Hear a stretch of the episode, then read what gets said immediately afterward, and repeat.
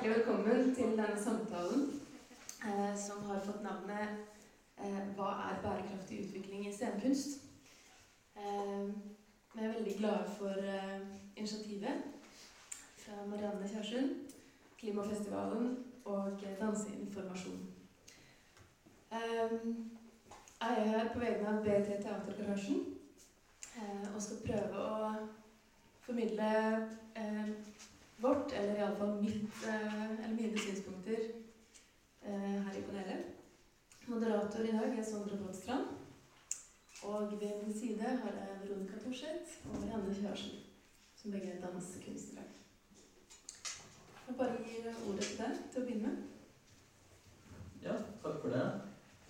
Eh, Jeg har jo ikke vært så inne i scenekunstens ansvar i, når det gjelder klima, men jeg har jobbet veldig mye med klimautfordringen og skrevet en doktorgrad nå om klimapolitikk. Så jeg er litt mer på den siden, um, og det kan jo kanskje være bra med litt ulike perspektiver. Så jeg tenkte å si noe om litt om konteksten vi er inne i nå, med den økologiske krisen som har nådd et punkt hvor vi ikke lenger kan ignorere det.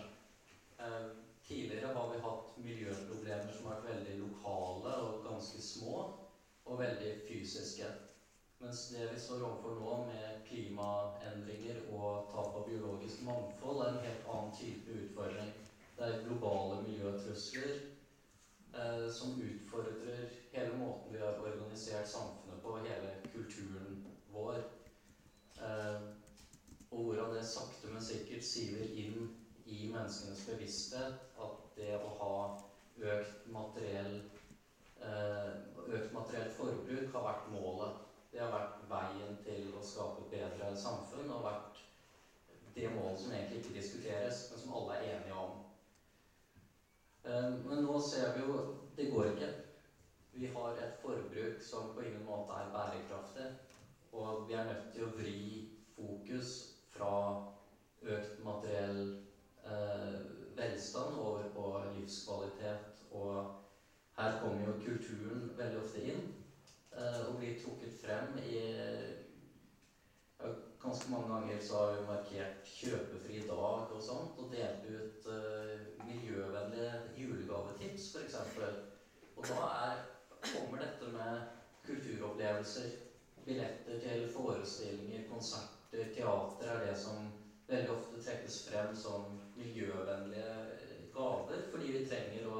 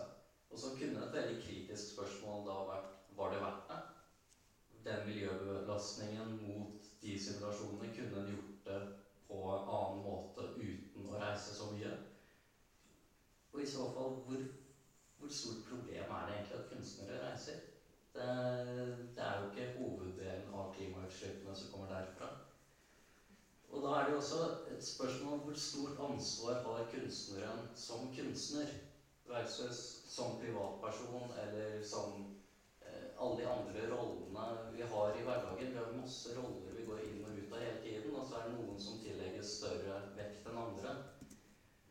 Eh, har f.eks. en kunstner et større ansvar enn en lege? For et par måneder siden satt det en litt tilsvarende debatt som medisinstudenten arrangerte, hvor spørsmålet var da om hvilken rolle og hvilket ansvar helsepersonell hadde. Jeg tror det kan bli en del interessante paralleller mellom denne diskusjonen og den diskusjonen. Men det vi ser, er jo stadig flere profesjoner og grupper diskuterer sitt ansvar. Og det, blir, det er jo helt nødvendig hvis vi skal løse klimautfordringen, at alle bidrar. At det ikke er noen peker på dette må politikerne fikse. Det må også folk bidra selv.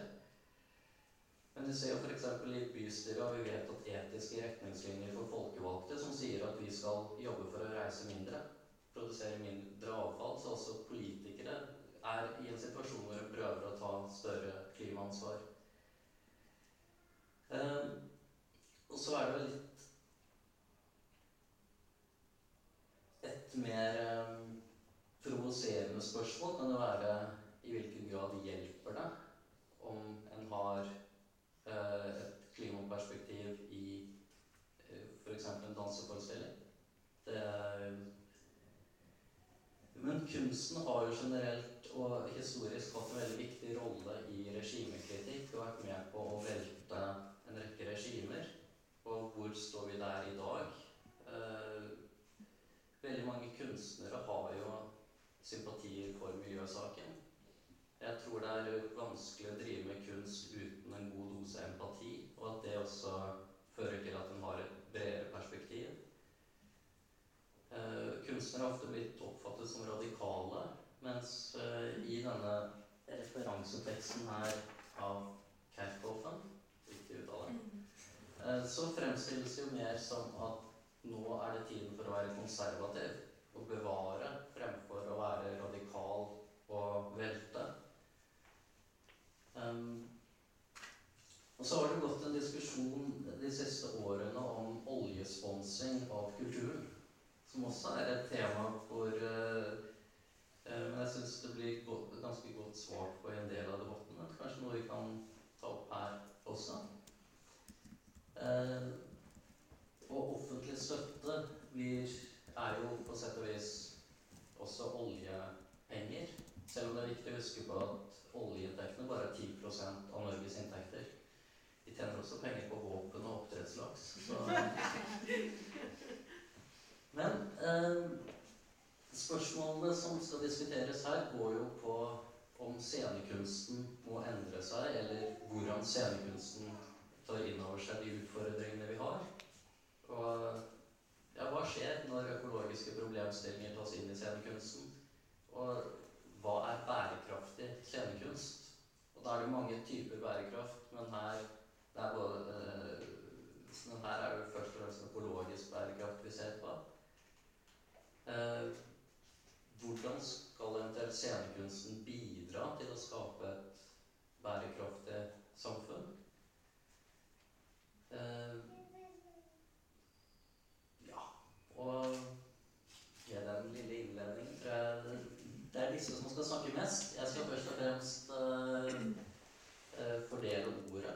Så tanken er at nå har disse hver sin innledning på ti minutter.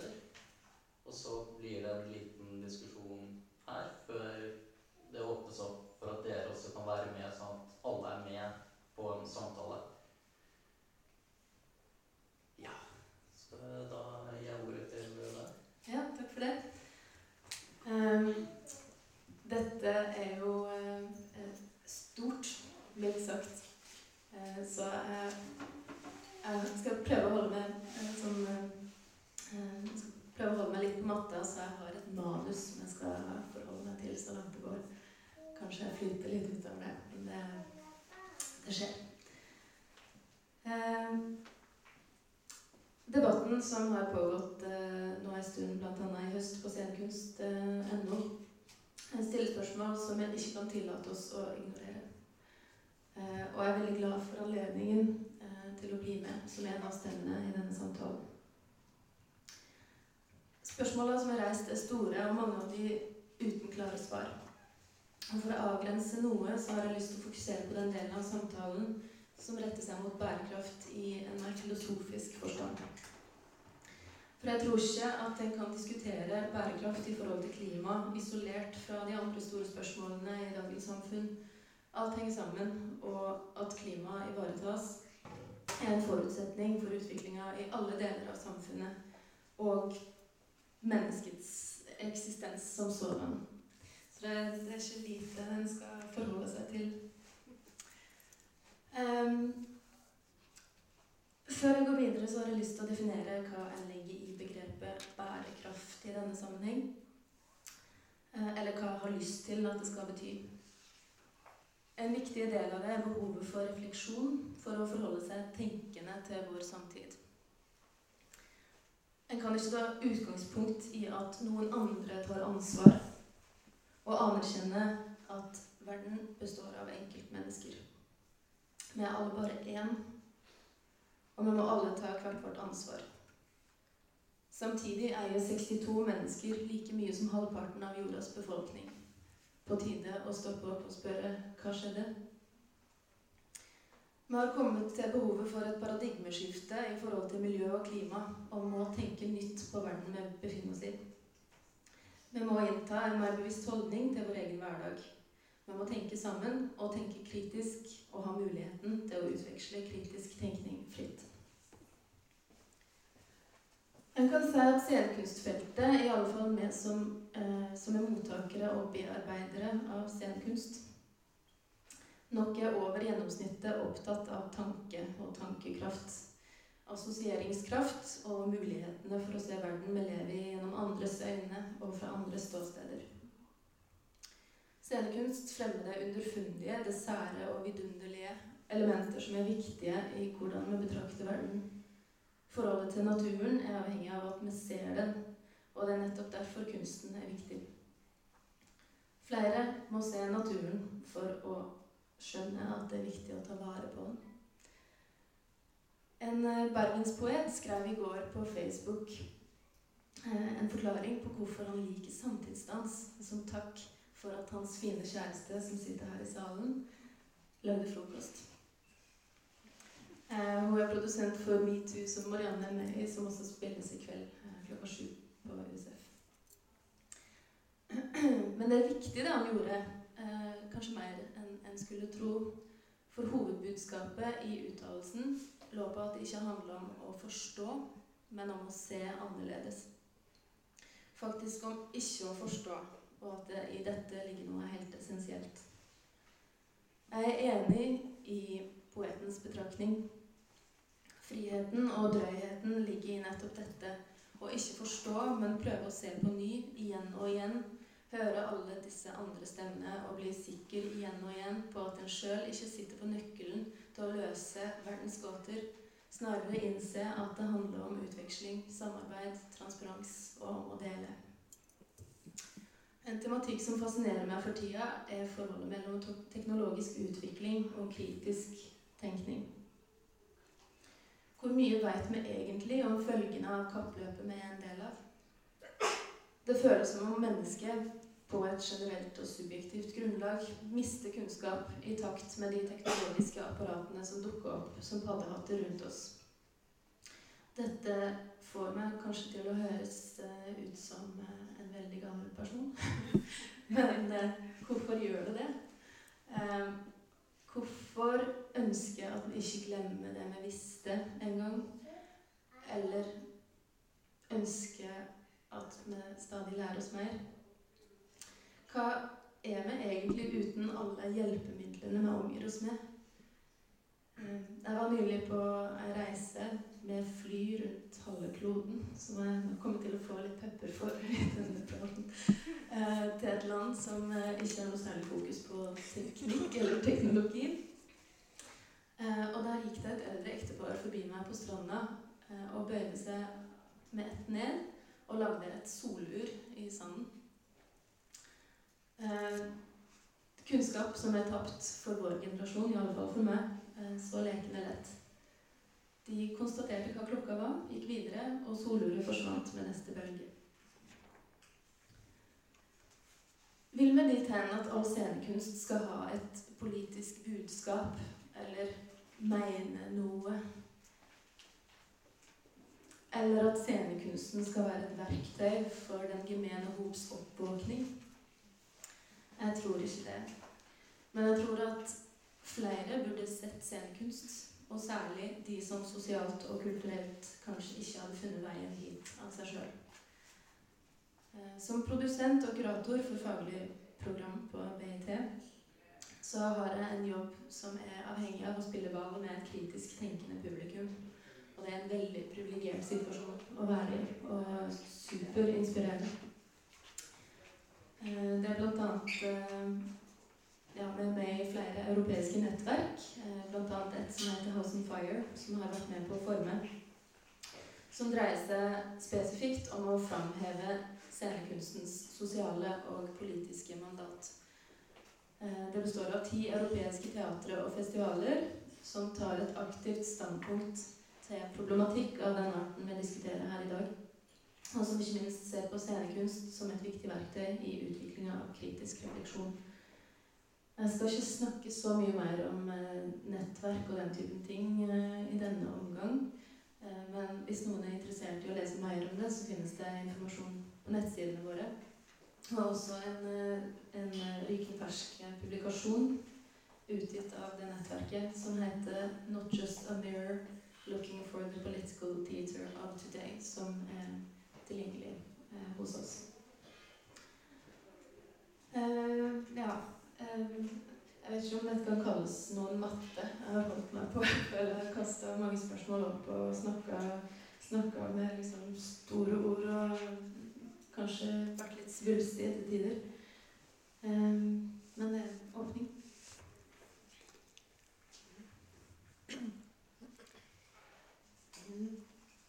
Hei. Mitt navn er Veronica Thorseth. Jeg er eh, dansekunstner. Um, og også driver et kunsthus som heter Rap, som ligger i Møllendalsveien. Um, et av de spørsmålene som jeg syns var veldig interessant, som kom ut av debatten på scenekunst.no, var mangelen på debatt og mangelen på å gå dypere og videre inn i, uh, i spørsmålene. Uh, jeg tror ofte at det som gjør det vanskelig å ta opp store spørsmål, er akkurat den redselen for å være svulstig, eller redselen for å si noe som er galt, eller noe som eh, egentlig er tabu, eh, noe som man ikke vet nok om. og det at alle eh, yrkesfelt, eh, alle mennesker egentlig bør ha en, eh, en mening om miljøsaken, bør bidra, bør dra, bør hjelpe til, gjør at det vil være veldig mange forskjellige ståsteder. Um, derfor er det veldig viktig, syns jeg, å ikke bare diskutere um, det bærekraftige og miljøsak og scenekunst, men også prøve å jobbe med scenekunstnerens og feltet sin integritet. Eh, for det at hvis man ikke har integritet, hvis man ikke har eh, evne til å diskutere og til å falle, eh, så er det umulig å på en måte komme videre og bevege seg eh, ja, fremover. Så det, det, er på en måte en av de sterkeste tankene jeg sto igjen med etter den eh, debatten eh, på scenekunst.no. Jeg syns det var veldig interessant. Eh, litt om min bakgrunn, for jeg, jeg syns det er veldig vanskelig å gjøre meg opp en mening om kunst. Skal være politisk, og i hvilken grad den skal være politisk. Og uh, jeg syns det er et spørsmål som avhenger veldig mye av den kulturelle bakgrunnen kunstneren har. Det avhenger veldig mye av presentasjon. Eh, det avhenger veldig mye av ja, kontekst og, og også hvor hvordan forholdet ligger mellom kvaliteten på kunsten og interessen som ligger bak kunstverket, og hvorfor. Jeg tror hvorfor er et veldig viktig spørsmål å, å stille seg i den sammenheng. Og så syns jeg det er veldig viktig med tidsperspektivet. Eh, hvis man skal jobbe med, med, en tematikk eller en sak, så er det viktig å ha tilgang til tid for å kunne eh, utføre et verk eller gjøre et verk som betyr eh, noe for kunstneren, sånn at det ikke bare er en måte å finne en kanal og selge et verk på. Eller, jeg tror det er en del fallgruver da, i å bruke eh, det som er eh, en aktuell sak eh, som tematikk eh, i et kunstverk. Um, Min bakgrunn eh, Jeg har egentlig alltid vært veldig miljøbevisst, og det tror jeg har eh, noe med at jeg ble indoktrinert helt fra barndommen, også gjennom eh, utdannelsen min. Um, så det er på en måte ikke um, noe For meg så er ikke det noe sånt stort steg inn i, i um, Det er noe som på en måte har vært der som noe integrert i min oppvekst. Men dette med aktivisme og kunst og har jeg på en måte av og til i mine verk prøvd å kombinere. Og jeg er fremdeles ikke enig med meg sjøl om det har vært en suksess, eller om, om det, det, har feila. Og det er egentlig ikke poenget, for jeg er ikke ferdig med den utforskningen ennå. For jeg har jobba med det over lang tid og ønsker å fortsette å jobbe med det. Og eh, jeg har f.eks. vært veldig interessert i det store krysset på Danmarks plass som sted. Og eh, gjort en årlig eh, dansedemonstrasjon, danseinstallasjon, uh, på dansens dag. Um, I sympati med, eller i For å vise den aktivismen som har foregått rundt Danmarksplass, bl.a. av et initiativ som heter Ren luft Danmarksplass. Så der har jeg på en måte prøvd å, med, med kropp og med eh, bevegelse eh, og offentlig rom, å skape noe som eh, hinter til, som peker mot mennesket og eh, landskap og samfunn. Så det er en av, de eh, måtene jeg har eh, jobba på. Jeg har også laget en eh, installasjon eh, rundt eh, Store Lungårdsvann, som var et eh, Avas-initiativ. Eh, en vigil.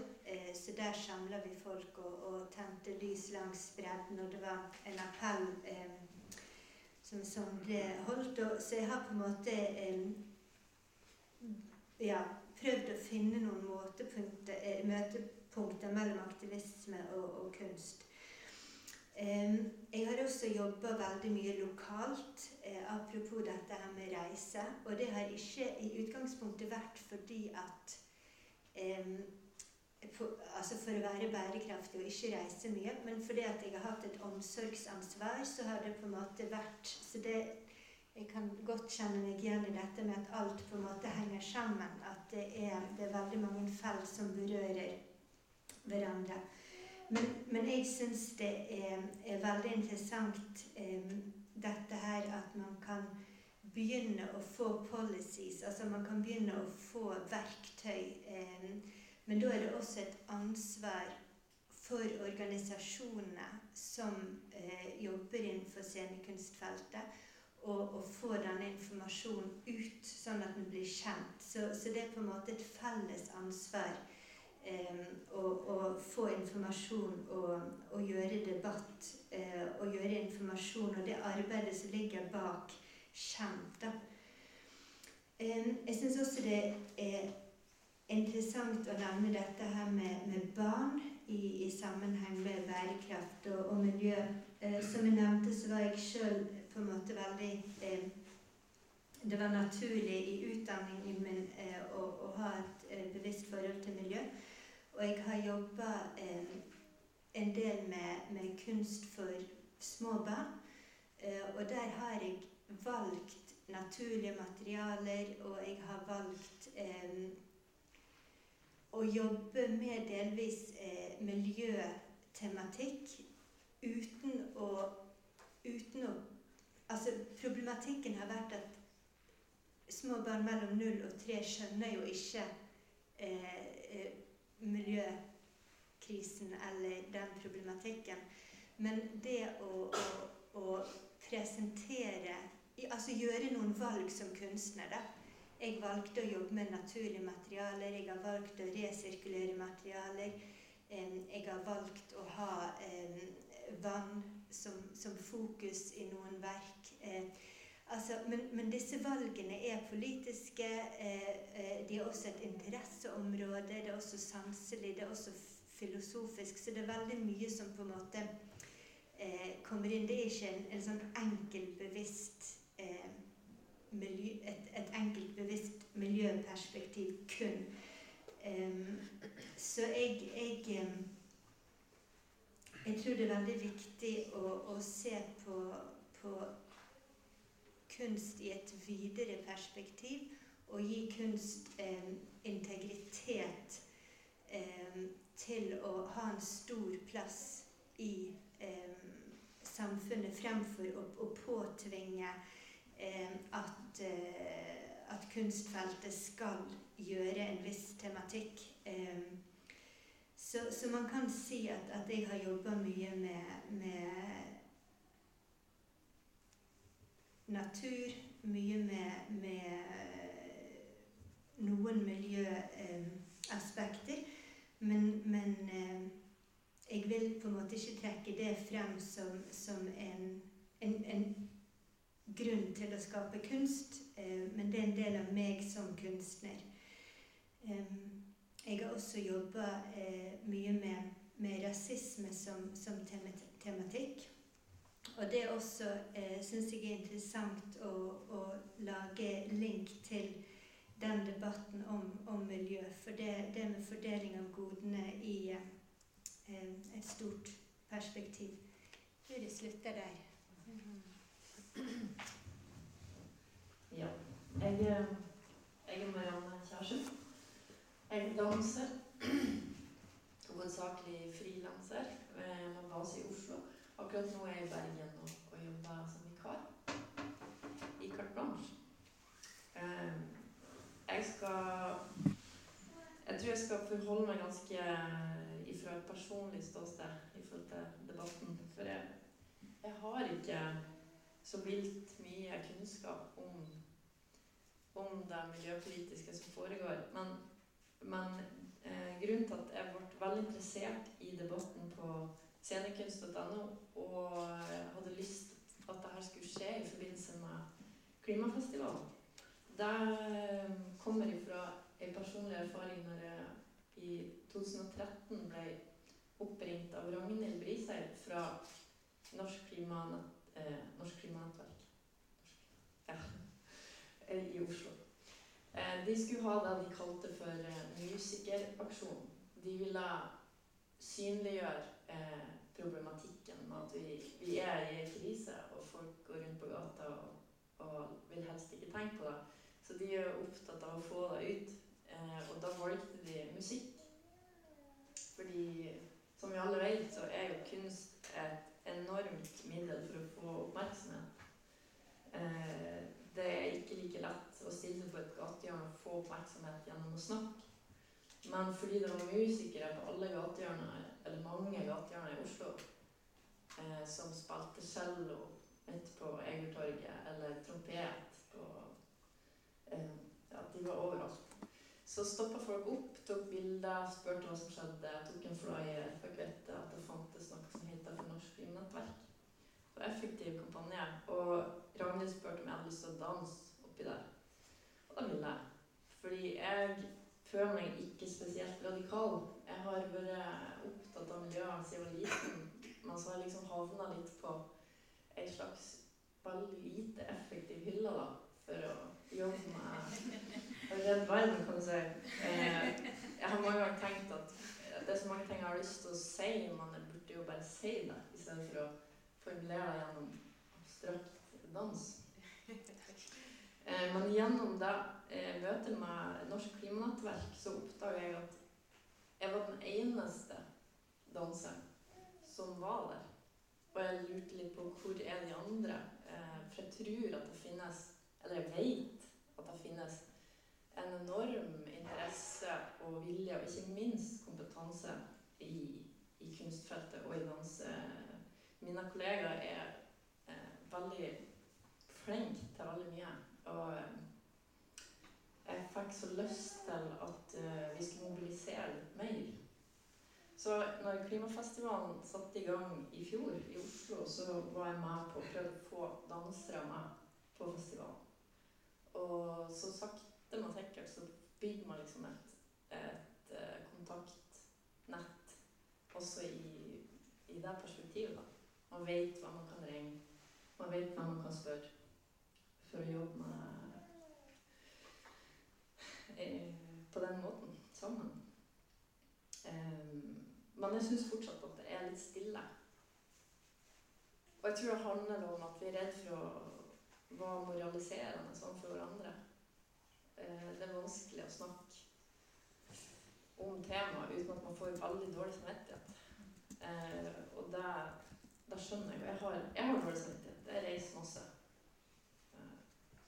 det er jo et, et paradoks. Jeg er 100 avhengig av støtte fra staten. Og da vil si 10% olje og 10% eller 50 eh, våpen. Jeg vet ikke. Men jeg tenker det, det beste jeg kan gjøre med den sponsinga, er å kritisere hvor den kommer fra. Um, det verste jeg kan gjøre, er å tenke Jeg må ikke si høyt hva som faktisk foregår, for da er det over det er jo en veldig defensiv holdning eh, som jeg ikke har lyst til å ha. Um, ja. Jeg tror du, Jeg var interessert i det du sa om hva slags ansvar vi har, og hva det gjør. Jeg, eh, jeg er for tida vegetarianer, og det er pga. en forestilling jeg så. Eh, det er ikke pga. en artikkel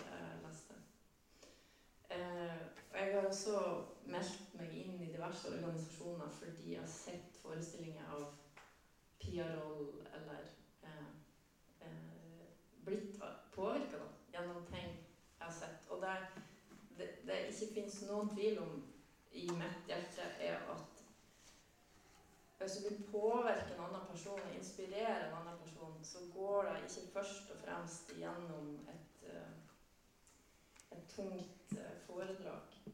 Jeg tror det trenger også innspill gjennom andre sanser. Og det det er sammenslåing av det som jeg syns er dynamitt. Så jeg, eh, jeg, kommer til å fortsette å kontakte Klimafestivalen eller andre organisasjoner for å gi meg sjøl en kontekst. Jeg tror ikke at jeg er i stand til å iscenesette og gi den informasjonen fra scenen. Det er noen som kan det, men jeg kan ikke det. Men jeg tenker at alle må finne en måte å, å, gjøre det på. Og min måte å gjøre det på er å sette meg sjøl i en politisk, eh, samfunnspolitisk kontekst gjennom å samarbeide med uavhengige organisasjoner. Eh, men jeg, synes, jeg er interessert i om kunsten blir dårligere av å prøve å være samfunnskritisk. Det det kan diskuteres. um, ja. Så en annen liten anekdote er at um, jeg har lært veldig mye om makt, maktstrukturer i samfunnet, i samfunnet vårt i forbindelse med kjønn. Uh, at det er ting som Fordi jeg er født kvinne, så er det ting jeg ikke helt har tenkt over, som skjer av meg, og motsatt for menn. Og det har jeg lært veldig mye av gjennom jobben min. Gjennom å jobbe med kunstnere som er opptatt av det. Så nå ser jeg alt jeg gjør, i et kjønnsperspektiv. Altså, jeg kan velge å gjøre det. Og så kan jeg, jeg kan bare legge over et filter på det jeg gjør, og så se på det og tenke hvordan, Hva sier jeg egentlig om kjønn i denne forestillingen? Og jeg tenker at det samme kan man gjøre miljøpolitisk. Man kan, man kan se på det man driver med i et miljøpolitisk perspektiv. Eller et større perspektiv. Um, um, så man kan diskutere arbeidet man gjør på den, på den basen. Ja. Uh, vi kan ikke forbi Vi kan ikke bli for komfortable. Jeg syns det er kjedelig å bare ha forestilling for, for et publikum som, som jeg kjenner igjen hver gang. Jeg har lyst til å ha et nytt publikum. Jeg er nødt til å utfordre hvor jeg spiller, hvem jeg spiller, hva jeg gjør. Ja. Jeg stopper der, så kan man heller spørre. Ja, eh, takk for eh, veldig interessante innledninger. Eh, jeg har lyst til å ta litt fatt i dette spørsmålet blir kunsten dårligere av å ha en sånn bevisst misjon, samfunnskritisk, politisk mål? Så jeg opplever jo en del innen forskning, så er den mest aktivistiske forskningen har ofte en del metodiske svakheter. Der en blir for opptatt av å få frem et poeng, og glemmer kanskje hva som er, i dette tilfellet, kunstens oppgave, hvis kunsten har eh, Og hva som eventuelt er oppgaven. Jeg tenker jo at kunsten er mye Dette begrepet 'åndelig føde' er jo faktisk egentlig et veldig flott begrep. Som beskriver noe vi må ha, som vi, som vi trenger. Eh, og så kommer det spørsmål om scenekunsten mene noe. Og så svarer du nei. Men du sier samtidig at scenekunst handler om å utvikle kritisk refleksjon. Um, samtidig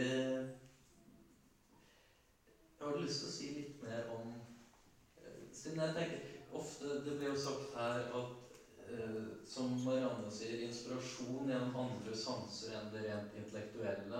At det når frem eh, På en måte lurer seg inn i hodene til mennesker uten å slå med en pekefinger og moralisere, men ved å sette i gang kritisk refleksjon. Ja, det er et godt spørsmål. Ehm, Jeg tror nok eh, få vil skrive under på, på en påstand om at eh, et kunstverk ikke betyr noe, eller har en, en, noe, et formidlingsønske. Eh, Om du plasserer en stein på en scene og ikke har verken lys eller lyd, og det ikke skjer noen ting, så betyr det jo fremdeles noe fordi det er tatt et valg. Den steinen er lagt der for Ja, klart det er helt avhengig av kontekst og alt dette, og dette kan man diskutere lenge. Eh, Men jeg tror det er farlig, eller ikke ønskelig iallfall, eh, å, å gi kunsten den oppgaven at den skal være et formidlingsverktøy for, for politisk budskap. At den må, må gjøre det, eller Ja, jeg vet ikke. Eh, Protester eller eh, tanker om det. Jeg tror det, det med å ta valg til hvordan man jobber Altså alle kunstnere tar valg, og, og, og de valgene eh, vil uansett ha en, en betydning for kunstverket. Så, så på en måte kan man nesten si at, at alle verk har en eller annen form for beskjed, eller en eller annen form for eh, kulturell eller politisk eh, bakgrunn og refleksjon. Men, men det å på en måte, som jeg de kaster kaste seg på trender uten at det er reflektert, eller eh, gjøre noe som man egentlig ikke ønsker å fortsette med bare fordi det er Da får en til å føle seg som en god person. Det tror jeg eh, kan jobbe veldig mot sin hensikt og kunsten sin integritet. Eh, så på det viset så tror jeg det blir feil. Men, men eh, det har veldig mye med kvalitetssikring å gjøre. Og den har jo kunstnerne ansvar for selv. Den kvalitetssikringen. Um,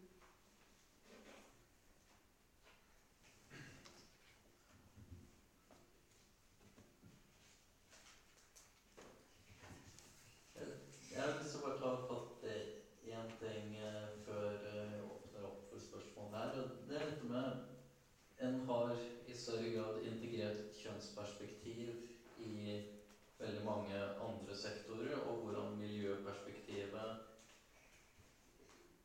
Hvordan det skal komme til uttrykk Blir det et, et, å ha et um, det er kanskje enklere å integrere et kjønnsperspektiv i scenekunst enn et miljøperspektiv? Eller hva tenker du? Jo, det tror du har helt rett. Jeg satt og tenkte hadde sagt at eh, det er mange forestillinger jeg har gjort eh, som er vanskelig å se et eh, miljøpolitisk perspektiv. Men da kan man også gå på produksjonsnivå. Hvordan legger du opp turneen? Og har du tenkt på hva slags material du har scenografi har du kjøpt klærne på Fretex eller på Hans og Maurits? Det er sånne små ting også som, som kan bety veldig mye hvis man, hvis man eh, insisterer litt på det. For at det forandrer ikke bare produksjonen, men også hva du tenker videre når du går fra jobb og når du snakker med noen dine. Du kan fronte sjøl som eh, Hvis du er en institusjon, så kan du bruke det til å, å eh, ha, eller å en autoritet da, i forhold til hvilke valg man tar som institusjon. Det setter visse føringer. Og jeg mener at man har et ansvar der. Eh, som kunstinstitusjon, i hvert fall. Og som enkeltperson så kan jeg påvirke det, og, og da mener jeg med det, med det filteret. Jeg kan sjekke om jeg er våken i forhold til det. Bare en liten kommentar på, på hva vi gjør på Teatergarasjen eh, av sånne hverdagslige eh, valg. Så kan jeg røpe en hemmelighet. Eh, og det at produsentene på Teatergarasjen bruker veldig mye trillebag. Og det går.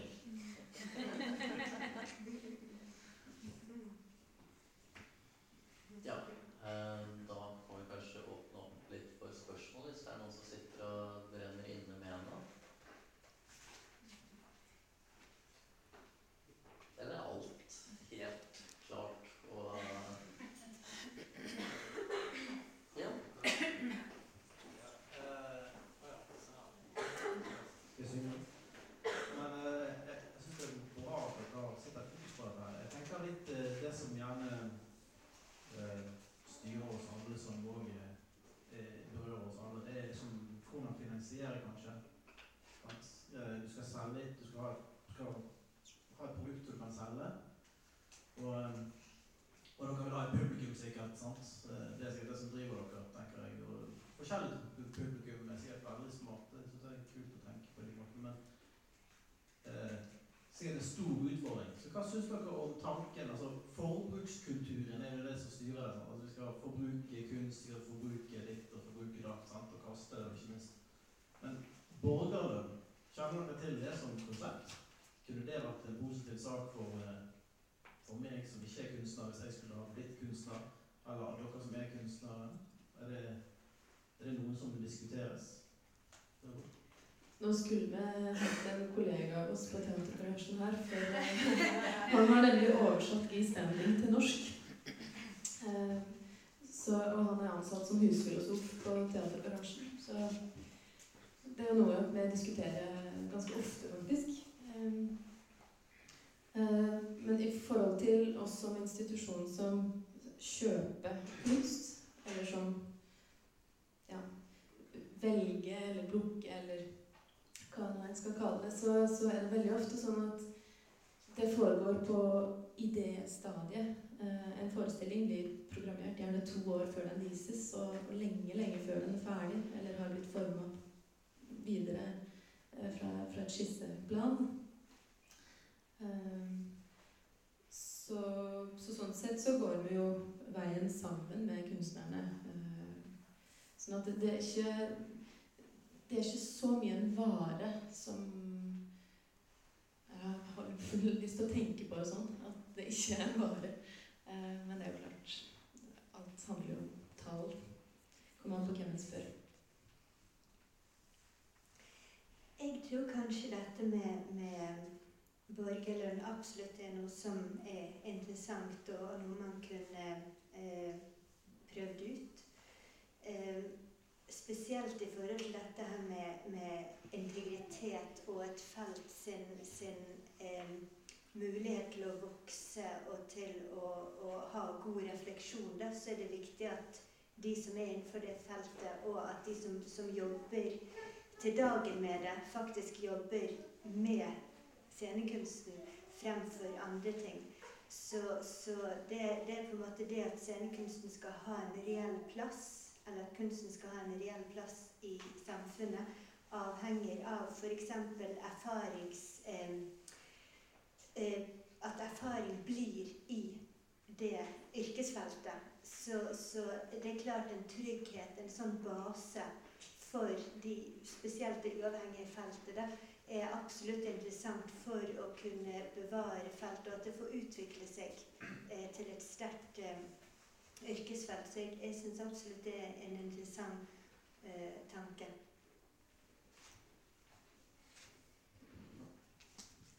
Men da kan jo et spørsmål være Har det noe å si for det økologiske perspektivet? Om kunstnere får borgerlønn, har det noe betydning? Blir det noe mer klimaengasjement av det? Eller er det bare at den vrir en aktuell sak som miljøkrisen til igjen å bli et argument for at den selv vil ha mer penger? For å være litt frekk. Kanskje det var for frekt, så ingen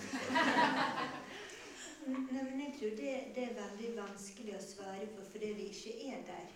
Men jeg tror i hvert fall ikke det, det gagner eh, eh, det bærekraftige og økologien at kunsten ikke har en reell stemme. da. Så, så, det er litt sånn Let's try. Jeg tenker siden Hvis en kunst skal være rent markedsbasert, og da blir det jo ofte Den mest kommersielle kunsten har jo veldig sjelden noen sterke budskap. Da er det om å gjøre å underholde.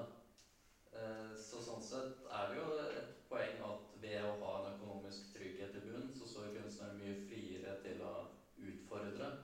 Samtidig som det er jo da bjeffer jo mot hånden som fòrer en. Men vi har jo en såpass eh, velferdsstat hvor en kan gjøre det.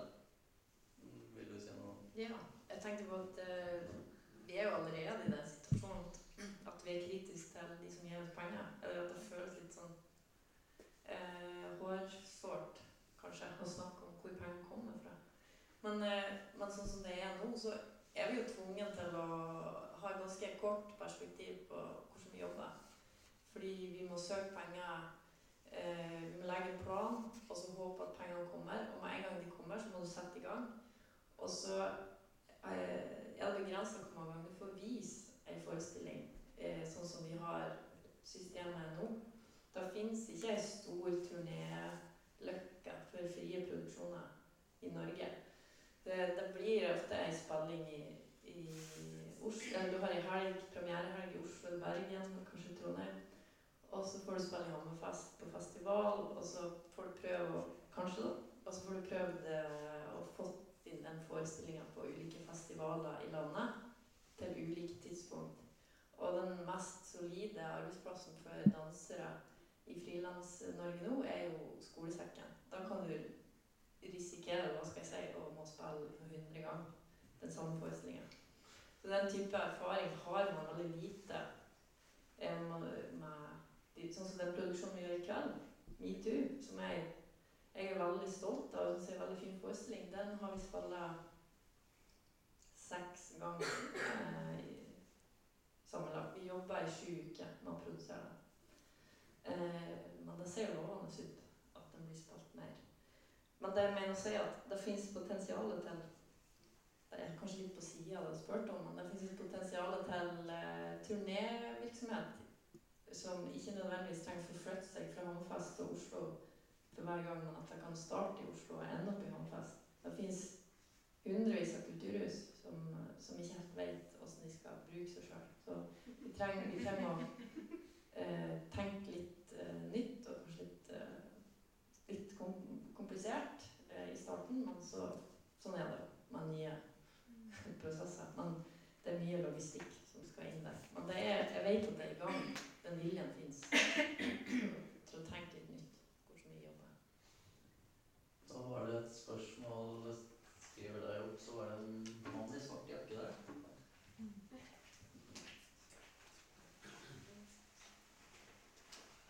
Ja, hei. eh, Knut Varnsen her.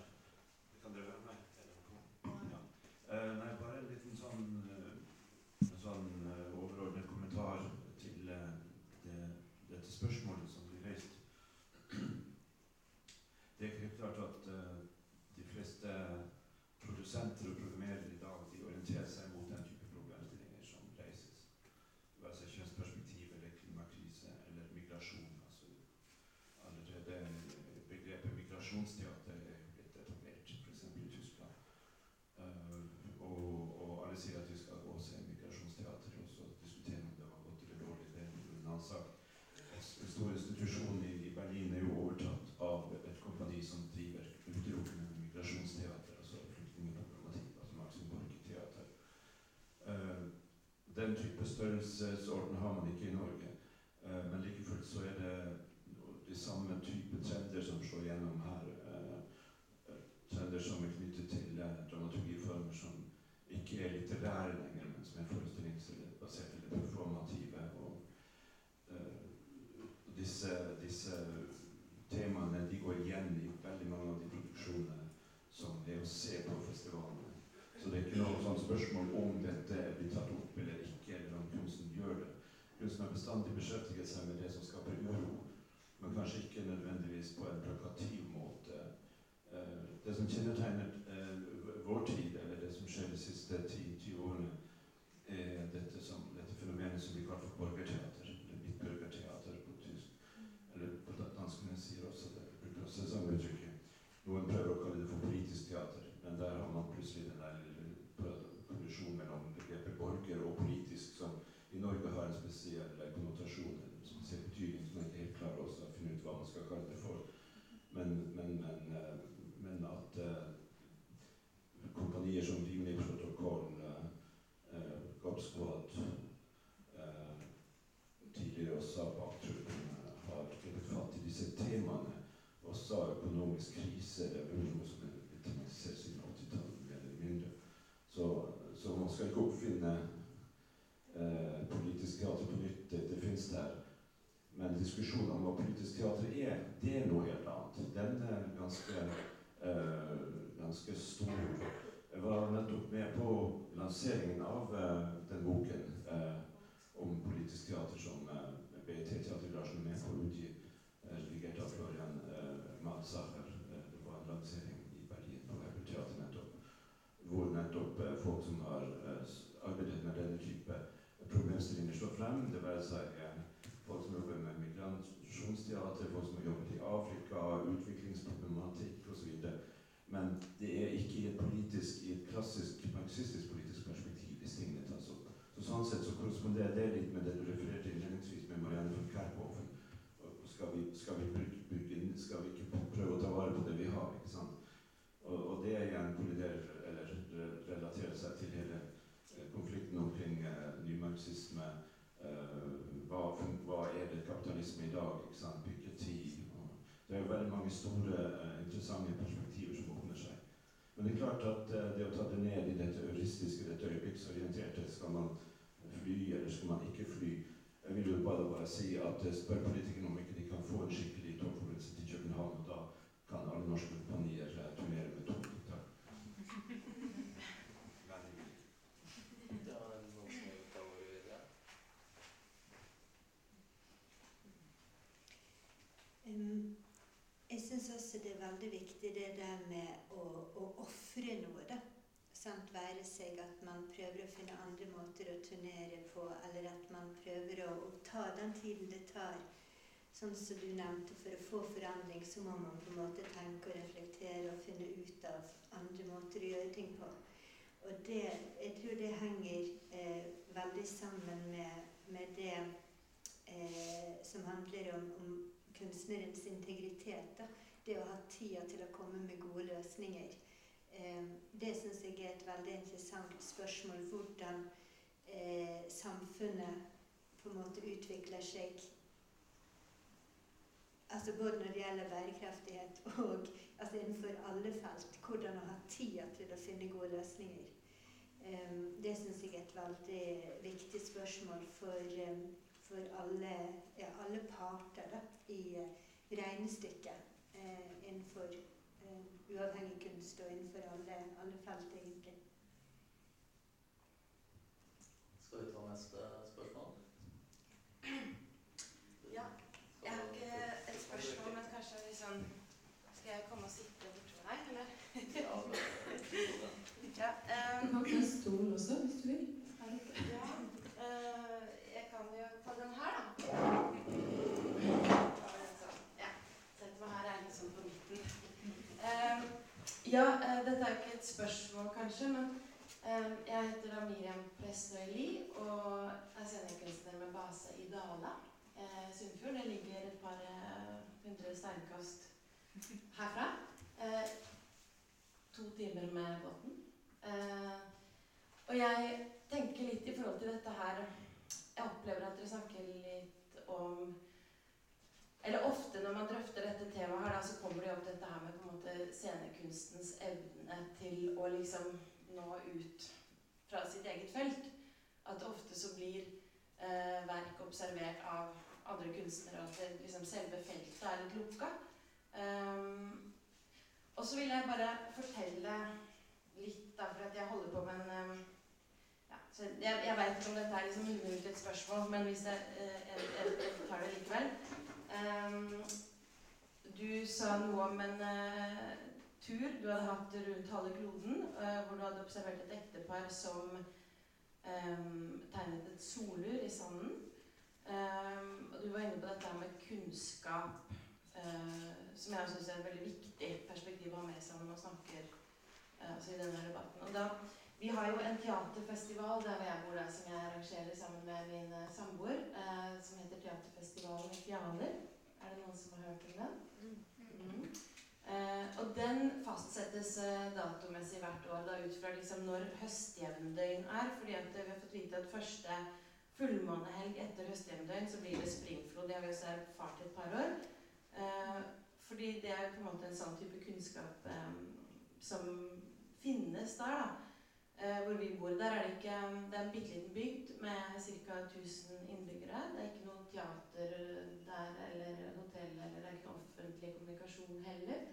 Eh, men eh, når vi tenkte på dette med å starte en teaterfestival der, så var det jo Så måtte vi jo på en måte spørre oss hva vi har, og det vi har er liksom fjord, skog, fjell.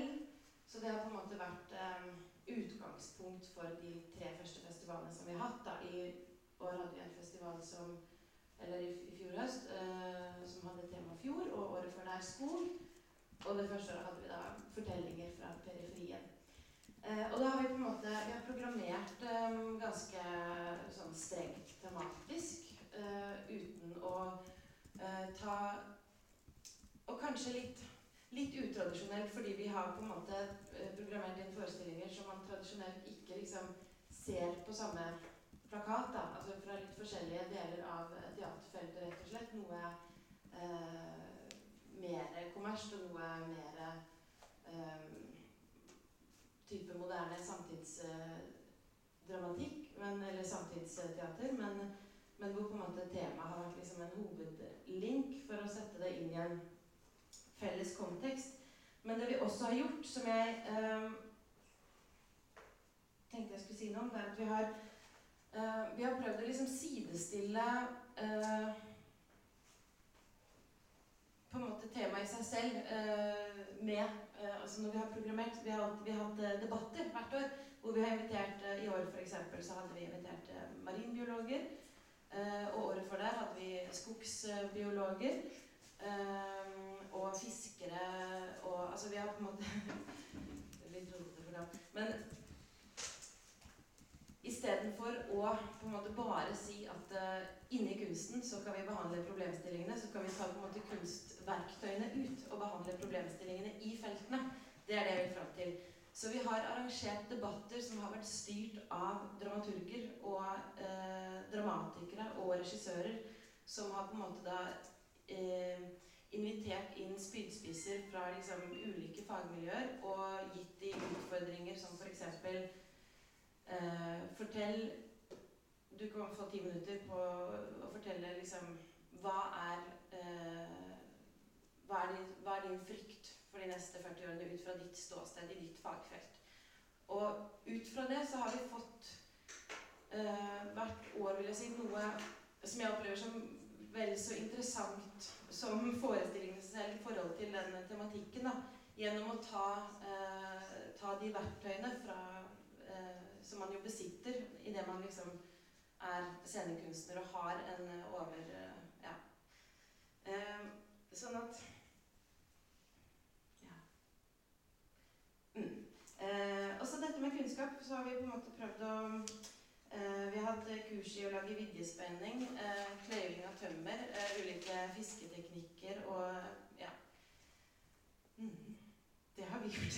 det er en kjempefin festival. Altså, jeg var, litt sein. Ja. Nei, men ehm,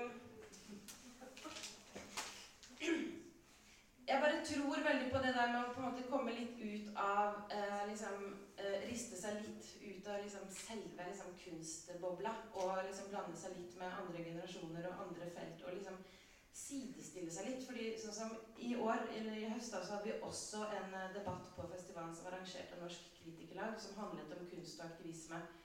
Eh, og den opplevde jeg var liksom kjempekjedelig i forhold til eh, altså, de andre debattene vi hadde, hvor vi bare lot liksom eh, fiskerne og marinbiologene og de som faktisk har en fagkunnskap å komme med, eh, snakke.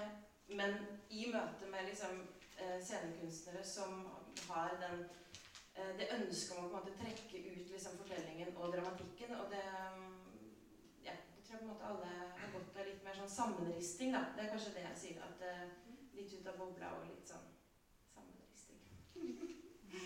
Jeg er veldig enig i det du sier. Og, og med, vi har også et stort fokus på akkurat dette.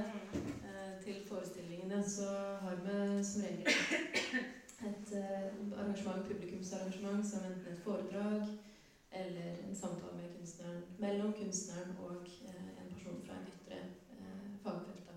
Så vi har jo samarbeida med sikkert samtlige av fakultetene på universitetet, og ofte med Raftostiftelsen og, den typen ting. I vår så skal vi også ha et uh, krasjkurs i østerriksk folkedans og jodling, som vi gjør også. En sånn vidjespenning-type ting. Men uh, jeg tror et uh, viktig poeng her, som har kommet litt fram gjennom samtalen også, er, språket. Hvilket språk snakker vi? og hvilket språk snakker vi sammen? Søknadsspråk forbundet med scenekunst.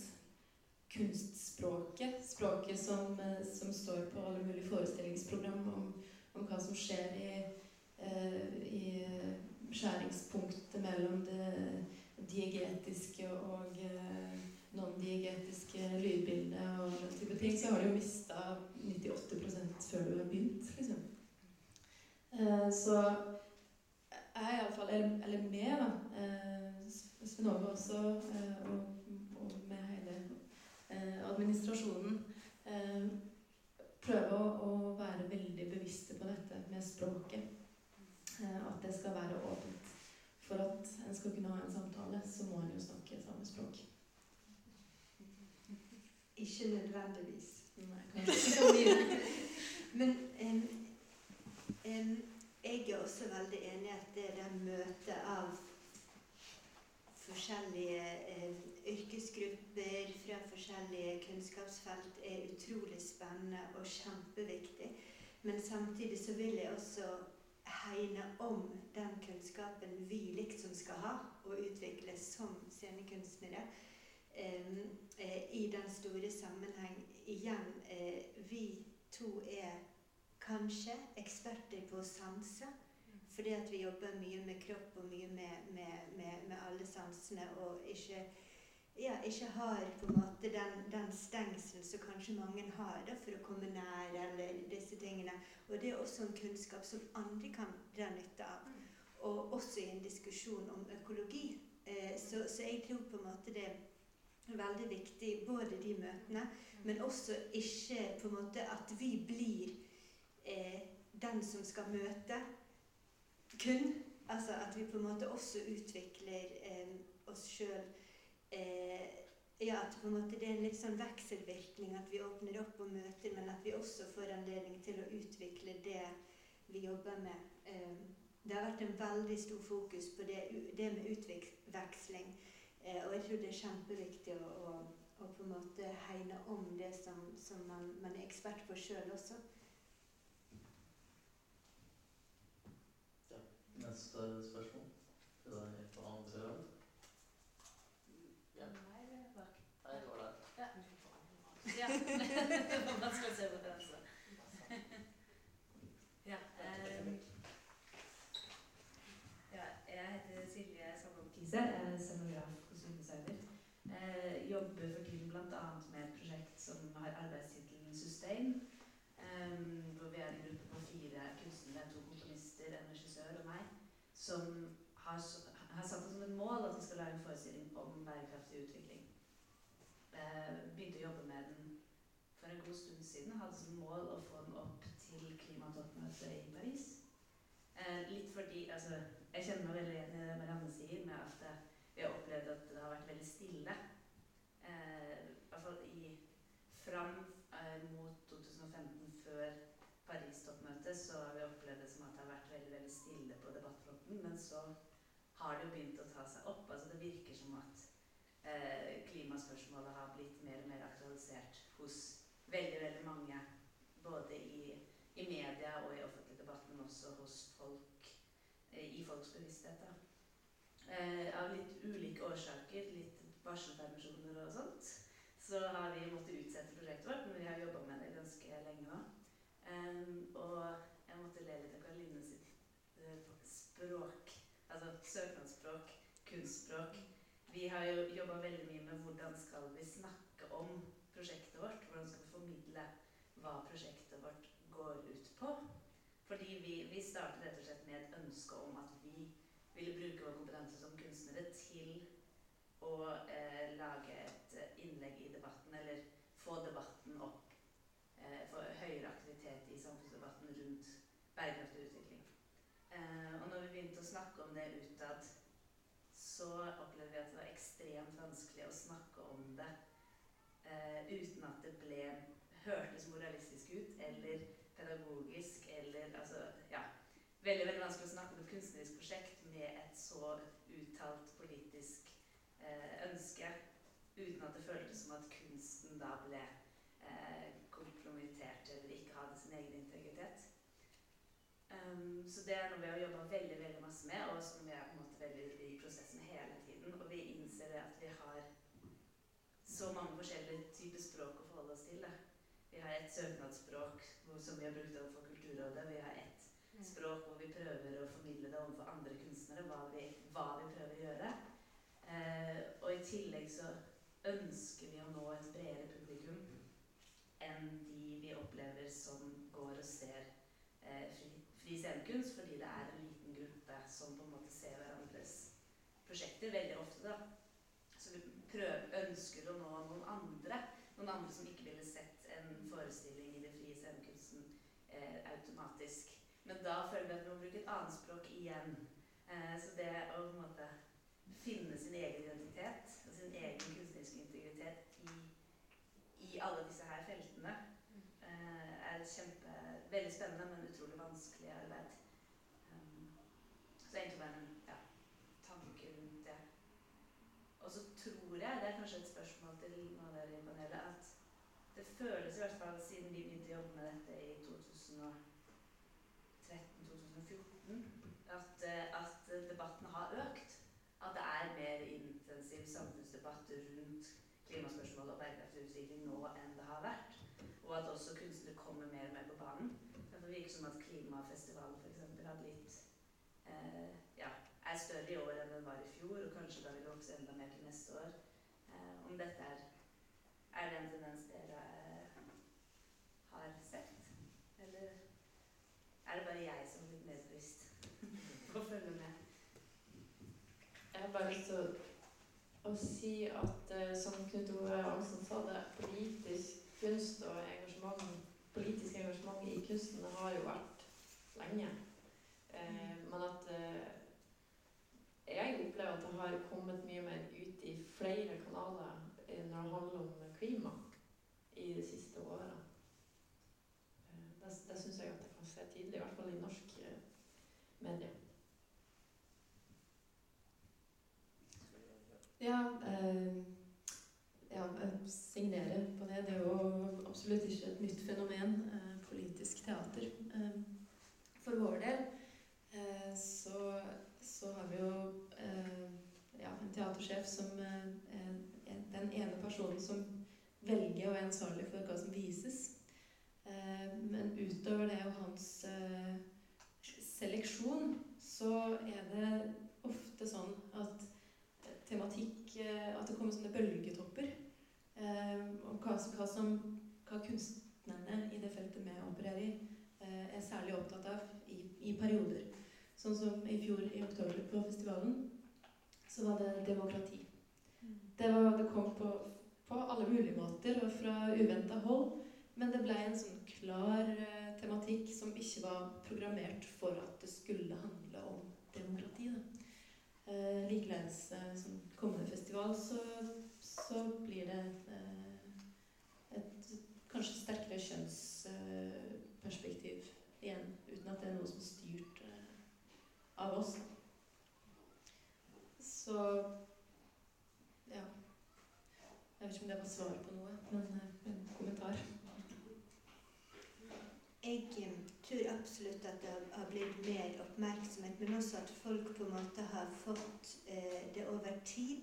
Og jeg tror det der tidsperspektivet er veldig viktig. At man, selv om dere f.eks. med den forestillingen ønsker å komme ut til et, et bredere publikum, eller ønsker å, å, å nå flere med akkurat denne produksjonen fordi dere syns dette er et aktuelt tema, så tror jeg det er veldig viktig det å, å i hvert fall for scenekunsten sin del å ikke gi ja, altså på en måte ikke gi slipp på, på en tematikk. da. Altså Uansett om det blir stort, stort publikum eller lite publikum, eller hvordan eh, altså Hvis man virkelig på en måte jobber med en sak, at det er noe som bør vare. Og det er generelt for klimasaken at det er viktig at det ikke blir en sånn bruksgjenstand, på en måte, men at det blir eh, noe som får lov til å, å ha et langt perspektiv og utover den nyheten. da. Var det noen flere spørsmål noen brenner inne med? Ja, en kommentar.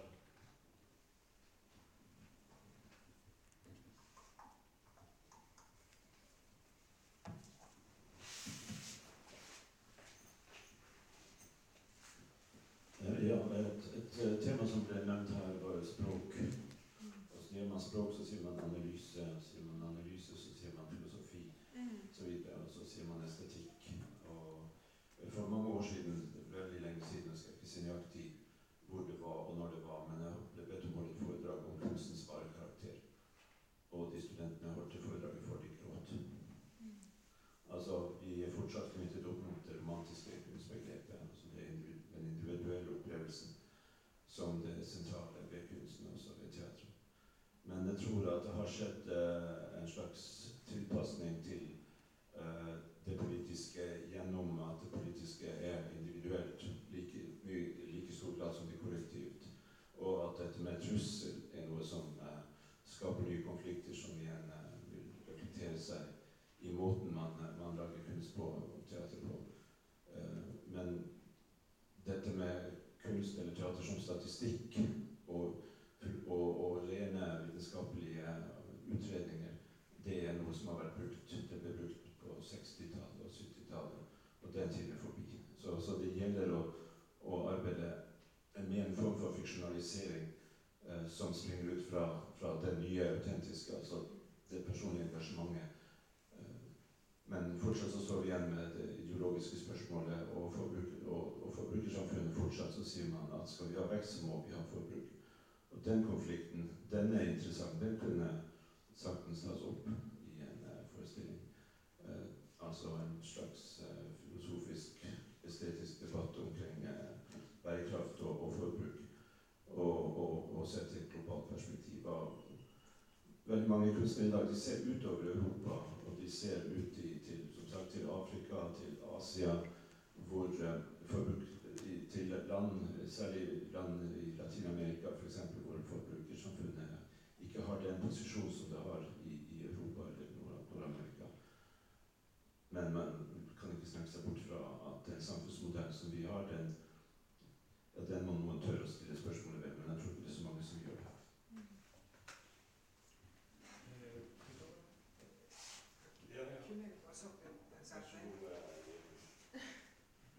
Jørgen Knutsæter. Jeg var tidligere målvakt i, i Skansemyra ballklubb.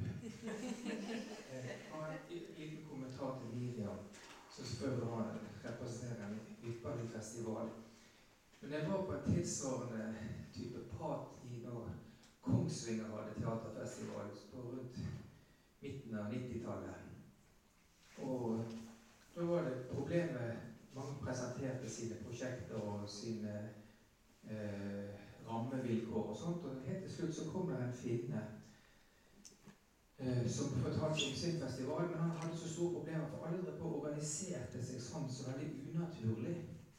De organiserte, Man hadde prøveskjema og get in og get out. Og han, han organiserte seg kun at når potetene var klar og spriten var lagd, så var det festival. Da var det umulig å booke skikkelig gode artister. For da var det enten måtte du ha en trekkspiller som bodde oppi bakken, eller noe sånt. Men han ble altså latterliggjort. Altså, han, han var helt alvorlig seriøs. Han ville følge på en måte Han ville ha festival som fulgte Når potetene var klar og de hadde spriten, så ville han lage festival. Men da var hele, alle tendenser var jo mot å organisere vekk fra alt som var naturlig, og fulgte lys og mørke og poteter og avlinger og sånt. Men jeg tror ikke han ville blitt latterliggjort i dag hvis han hadde tatt den uh, greien der. Så noe har skjedd siden 95. Jeg vil bare si det. Ja, ja det Jørgen forteller der er veldig interessant. Jeg tror det var Jeg vet hvem det var. som Det var festival. Ja, Det ja. var Finland. Ja, ja, ja. Det var også en festival som var som var representert i Kongsvinger. Eh, Jeg mye ikke det var Kajani. Uh, sitter. ja, og med sjamanistisk uh, sjamanisme og, og, og rituelle forestillinger. På om ikke det henger sammen med, med poteten og spriten. Eh, jo, det, det gjør det helt sikkert. Jeg tror det er noe, noe der som etter hvert har kommet inn i vår bevissthet. Fordi at vi har så etter hvert fått eh, en, en oppdatering i forhold til dette folkelige. Altså det folkelige er i ferd med å, å, å, å, å etablere seg som, eh, som et nytt eh, incitament på en helt annen måte enn i det tidligere politiske teatret. Altså dyrkingen av folket som arbeiderklassen. Men i dag så er det folket i de, i, i de dype skogene og, og ute ved kysten og det litt mystiske og spirituelle landskapet eh, som, som, eh, som er blitt tema, og som jeg tror eh, eh, flere av festivalene her i Norge eh, har, eh, kan knytte an til på en eller annen måte. Ikke minst eh, din festival, eh, Ja, da og skal kanskje også den som Miriam forteller om. Og en setning til. Det vi skulle ha jobbet mot for å være litt bærekraftig, vi skulle ha hatt et nasjonalt dansekompani eh, uten prøveplan eller eh, get in og get out på Oslo. På samtidsdans, altså. God idé.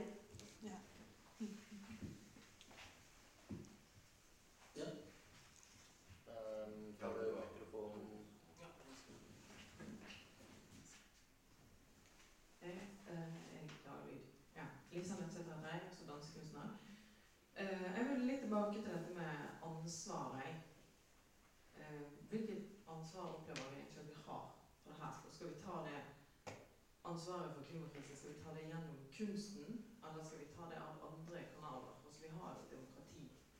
Både jeg og Sondre er jo begge kunstnere og politisk aktive. eh, Man trenger jo ikke nødvendigvis å sause sammen disse tingene, men man kan velge å gjøre det. Eh, og så lurer jeg på i forhold til Skal vi ta det her ansvaret på individnivå? Som kunstnere eller som privatpersoner, i den grad det er noen forskjell? Eller skal vi organisere oss? Skal man ha sånn eh, klimakunstnernettverket, der vi setter oss ned og har tre årlige møter og prøver å koke i hop en turnéløkke og gjenbruk av scenografi, byttelåning av kostymer. Det kunne føre til veldig mye rart hvis, hvis de samme kostymene blir brukt i åtte forskjellige forestillinger i helt forskjellige altså, skal, vi, skal vi kollektivt koke på noe? Eller bare har vi denne samtalen, og så, og så lar vi det gå, og så fortsetter vi å ta vårt individuelle ansvar, eller la være? Denne organisasjonen den finnes jo allerede. Den finnes. Eh, Den heter Concerned Artists Norway, eller CAN, og ledes av eh, Nina Osavin, eh, som sitter i panelet i den tilsvarende søstersamtalen til denne i Oslo i dag. Så, så der finnes det sikkert mange synspunkt som svarer på, på de spørsmålene du stiller. Eh, De er foreløpig bare seks personer, da. så jeg vet ikke om jeg kan snakke om, om kollektivets eh, makt eller kraft foreløpig.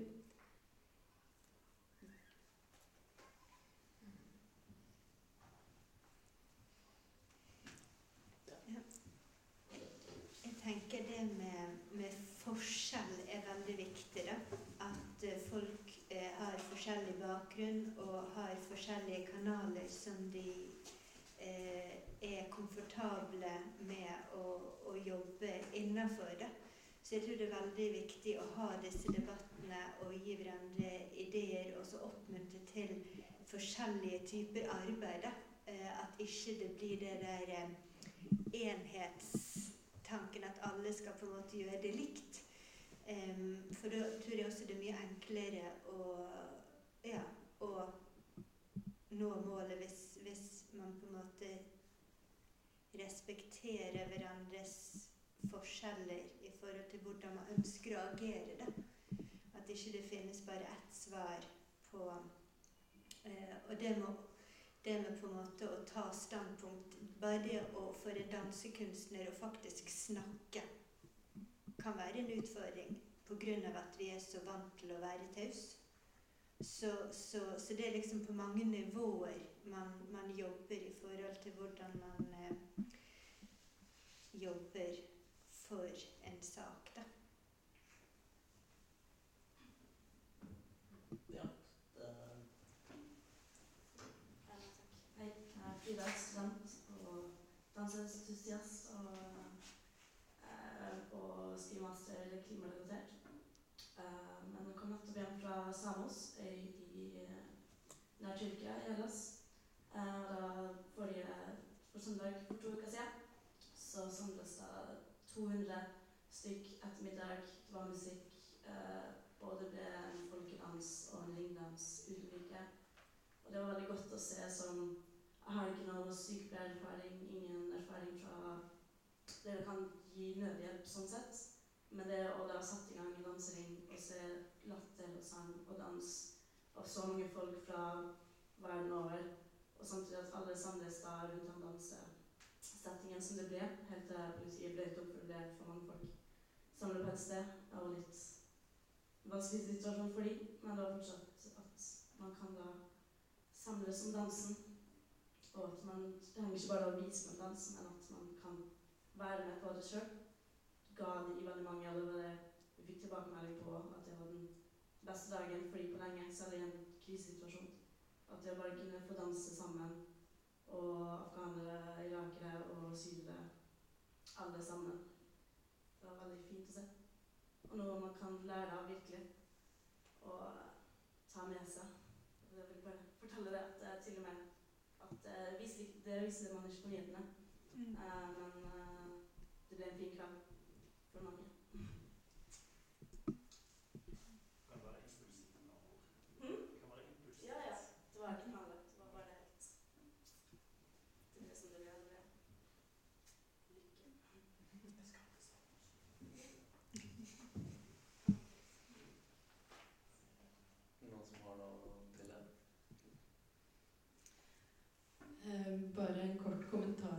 Kanskje. At eh, eh, det er viktig å, å anerkjenne den makten en eh, kunstopplevelse har. Eh, som den situasjonen du beskriver, eh, er sikkert noe av det mektigste mange av de involverte opplever på en stund. Eh, men eh, opplevelsene kan ha like mye makt om de er veldig små. Eh, og det potensialet som ligger i den makten til forandring, eh, er- det er ganske svært, hvis en tenker over det. En ting som, som jeg har tenkt på også, er dette her med institusjonene sitt ansvar. Da. De som utdanner kunstnere og eh, eh, ja, at, at det ansvaret som ligger i å kunne bygge opp en institusjon som får det til refleksjon, eh, er også en, en veldig viktig del av hele økosystemet for den, den gruppen. Og, og der tror jeg det er veldig mye som bør gjøres for at man kan få scenekunstnere som er eh, som har integritet, som har nok kunnskap, og som har eh, mulighet til å, å være sterk nok til å, å, å agere sånn som de har lyst til å agere. Altså, da trenger man et, et kunnskapsnivå.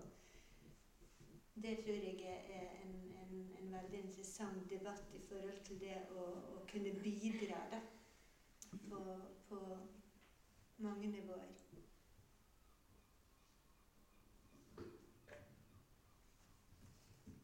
Jeg er en kommentar, kommentar til deg. At uh, I Finland har de jo nå ei, utdanning, en master i scenekunst, som fokuserer på uh, scenekunst i et økologisk perspektiv.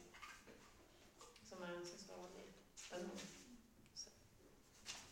Noe som også nettopp skjedde i Finland, var at uh, en gjeng med klovner fullstendig slo lufta ut av en nynazistisk demonstrasjon. Jeg, jeg så jo den eh, Loldi- Loldies of Odin, hva var det de kalte seg. Eh, Det er veldig interessant hvordan en der kan bruke Det var en mektig demonstrasjon. Selv om de hoppet rundt, danset og eh, hoiet, så tok de jo helt piffen ut av disse nazistene som sikkert var ute etter å lage ganske mye kvalm. Så det er jo en helt Men kan en bruke det innen klima. Jeg har sett noen en fantastisk aksjon mot uh, Sepp Blatter, han fotballsjefen som er litt veldig korrupt. Det var noen som da kastet masse monopolpenger på han. Og de bildene, de er ganske sterke. De får, kan få en til å tenke, men er det Kan det tenke seg at en ved et klimatoppmøte eller ved en oljemesse så kommer danserne inn og vender hele fokuset. Er det en er, Kan det tenkes den type politisk aktivisme hvor en eh, ja, så vrir hele fokuset i f.eks. en oljemessen i Stavanger hvert år?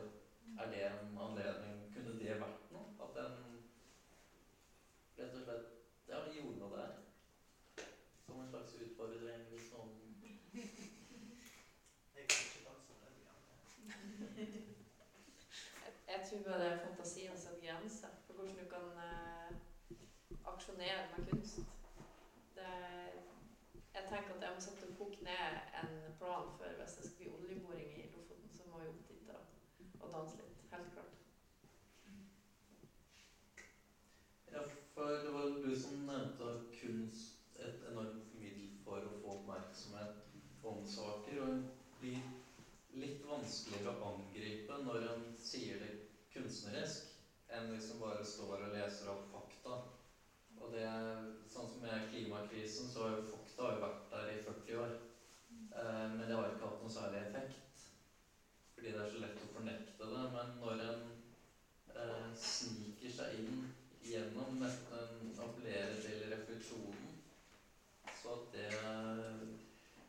Men er det kunstnernes ansvar å få i gang disse tankene, eller er det er kunstnerne først og fremst ja, hvor- Dette med ansvar som individ eller som kollektiv Concerned Artists Norway. Eh, hvorfor er det så få? Ingen som vet at de Jeg har finnes. aldri gjort det. Nei, ja. Eh, Skulle du si noe først? Eller? Men det kommer litt tilbake til det jeg sa om, om ansvaret også til organisasjonene våre. da, Om å formidle den kunnskapen og de initiativene som skjer. At det er på en måte også vårt eget økosystem vi må se på. Ja, altså jeg tror for meg at det blir så, så åpenbart alles ansvar. Hvordan kan du si at nei, dette er ikke mitt ansvar? Det angår jo deg i aller høyeste grad. Det angår alle sammen. Så kunstner eller ei, eh, ja, det er alles ansvar. Uh, ja, du på andre rad. Ja. Eh, Jeg skulle bare svare litt på det spørsmålet ditt angående politisk aktivisme eller kunstnerisk aksjonisme eh, i forbindelse med f.eks. Eh, konferanser og sånne ting. Fordi eh, eh, vi som jobber med system, vi dro til eh, Brussel i fjor på Kai Teater, som er en del av eh, House on Fire-nettverket. Som eh, Teatergarasjen er en del av. Og der var det en teaterfestival eh, som het Burning Ice hvor da en av dagene var eh, kun viet kunstnerisk politisk aksjonisme. Og jeg kan ikke så veldig mye om det feltet, men der fikk vi presentert en god del forskjellige organisasjoner og grupperinger i Europa som jobber akkurat på den måten, og som har gjort det i mange mange tiår. Så mitt inntrykk er at det skjer mye av det, kanskje mer i eh, Europa. Og jeg har ikke sett så mye av det i Norge som jeg kan komme på sånn helt eksakt. Men det kan godt være at det har gått meg litt hus forbi. Eh, Så det er mange, det er mange grupperinger som jobber på den måten, og som har veldig bevisste bruk av virkemidler for nettopp å eh, snakke om temaet på andre, andre måter og, ta, og vri fokuset på f.eks. Eh, klimatoppmøter eller eh, disse finansielle toppmøtene som har vært arrangert rundt omkring. Eh, og det er et veldig interessant eh, felt, men eh, min erfaring fra det jeg så i Brussel også, er at det, da, det er aksjonismen det viktige med det. Eh, hvor man bruker kanskje kunsten mer som et verktøy enn som kunstens eh, innenfor måte, integriteten til kunsten som felt. Da. Så det, eh, ja, det er et eh, vanskelig, vanskelig balansegang der også. Men det er absolutt veldig slagkraftig når det blir brukt på riktig måte. Ja, Det virker jo også som det er en slags konsensus i kunstnermiljøer. For vi får jo ikke noe sånn kunstneraksjon for oljeboring i Lofoten. Det, det skjer ikke. Um, men er det, skulle dere si hva dere skal si om nå, eller skal vi begynne å oppsummere litt? Ja. Er det noen siste spørsmål før vi tar en liten runde med ja. Når, eh, når er den der konferansen i Stavanger? Jeg har en idé. Eh, det er jeg ikke helt sikker på. Vi har internett der, da. Det er et spørsmål helt bak. Egentlig ikke et spørsmål, men jeg, har også også vært eh, dansekunstner i mange år, og så har jeg på en måte gått litt ut av å utøve det sjøl. Og da ser jeg liksom overfor en sterk måte det er å leve på. En, eh, som Veronica sa, og den kunnskapen vi sitter med i å øve oss på å lytte og, å sanse og være medmenneske. Og det du snakka om litt, den empatien som må til for at vi alle skjønner at det er et en stor krise nå for alle i hele verden. Eh, og det er en kunnskap vi sitter på som jeg tenker er i kraft i seg sjøl. Jeg skjønner ikke hvordan man skal kanskje lage akkurat den forestillinga, men det å være medmenneske på den måten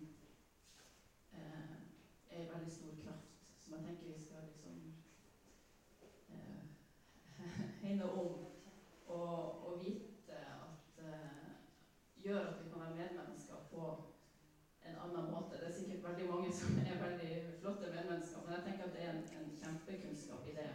Å lete og sanse og reflektere eh, hver dag. Ja. Da kan vi ta en, skal vi ta en liten runde hvor dere snakker litt oppsummerende tanker etter diskusjonen. Skal samme sånn rekkefølge som åpningen? Ja.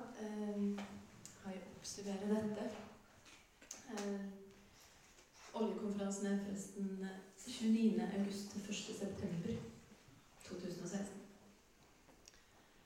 Eh, det er jo konsensus her også, det er jo ingen tvil om det. Det er jo ingen som sitter her og er så veldig uenige.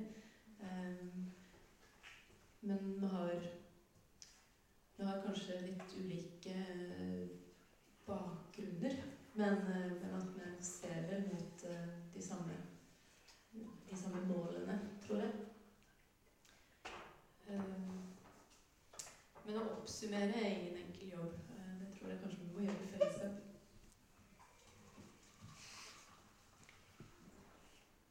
Jeg syns det spørsmålet om man bør lage kunst om, om bærekraftig eh, utvikling og dette eh, Det er et spørsmål som er veldig individuelt og veldig personlig for enhver arbeid, ethver arbeidende menneske.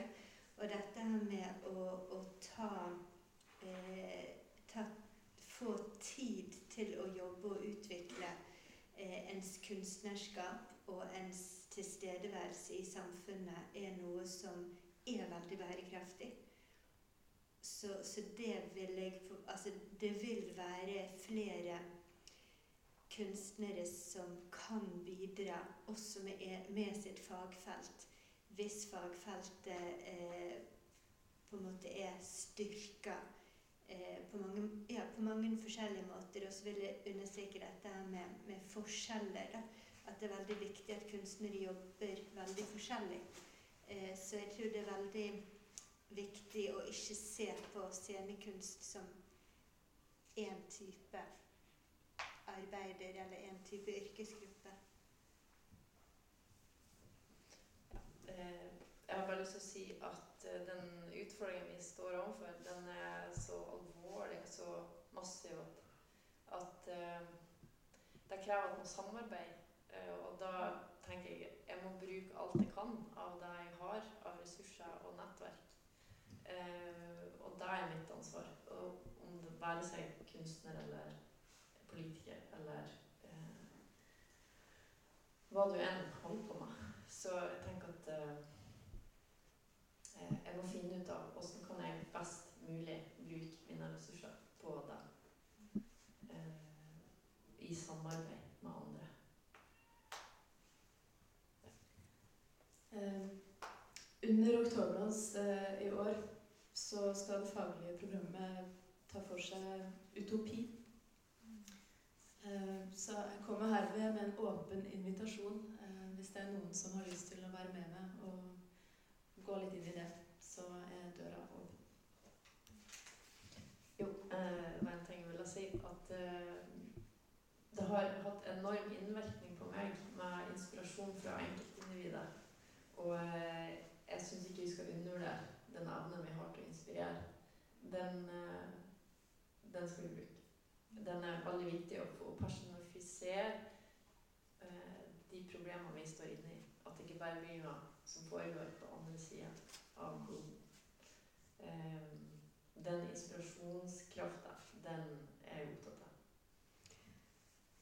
En ting som vi snakka om tidligere også, det å tørre å være uenig og tørre å, å i det hele tatt delta i, i debatten, er også noe som er utrolig viktig for eh, Ikke bare for enkeltpersonen, men også for at det blir bevegelse fremover. At ikke man går de samme rundene igjen og igjen. Så mange stemmer. Ja, absolutt. I aller høyeste grad. Eh, det må være takhøyde i Også i, i kommentarfelt på nettet, alle plasser. Jeg har jo bakgrunn, eller jeg har litt erfaring som frilanskritiker. Og, og, har blitt eh, kalt litt forskjellig eh, pga. ting jeg har ment. Eh, men det må en bare. Eh, en må ut, og en må, en må tørre å, å, stå for noe uten å ha en mastergrad i emnet nødvendigvis. Ja, en må rett og slett ta litt sjanser og være villig til å til å ofre noe. Jeg syns det var en fin avslutning.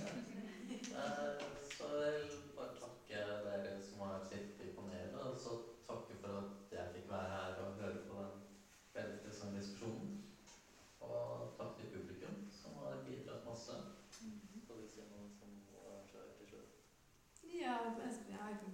Signere på takk for, eh, takk for innsatsen. Eh, og eh, takk. Vi ses igjen.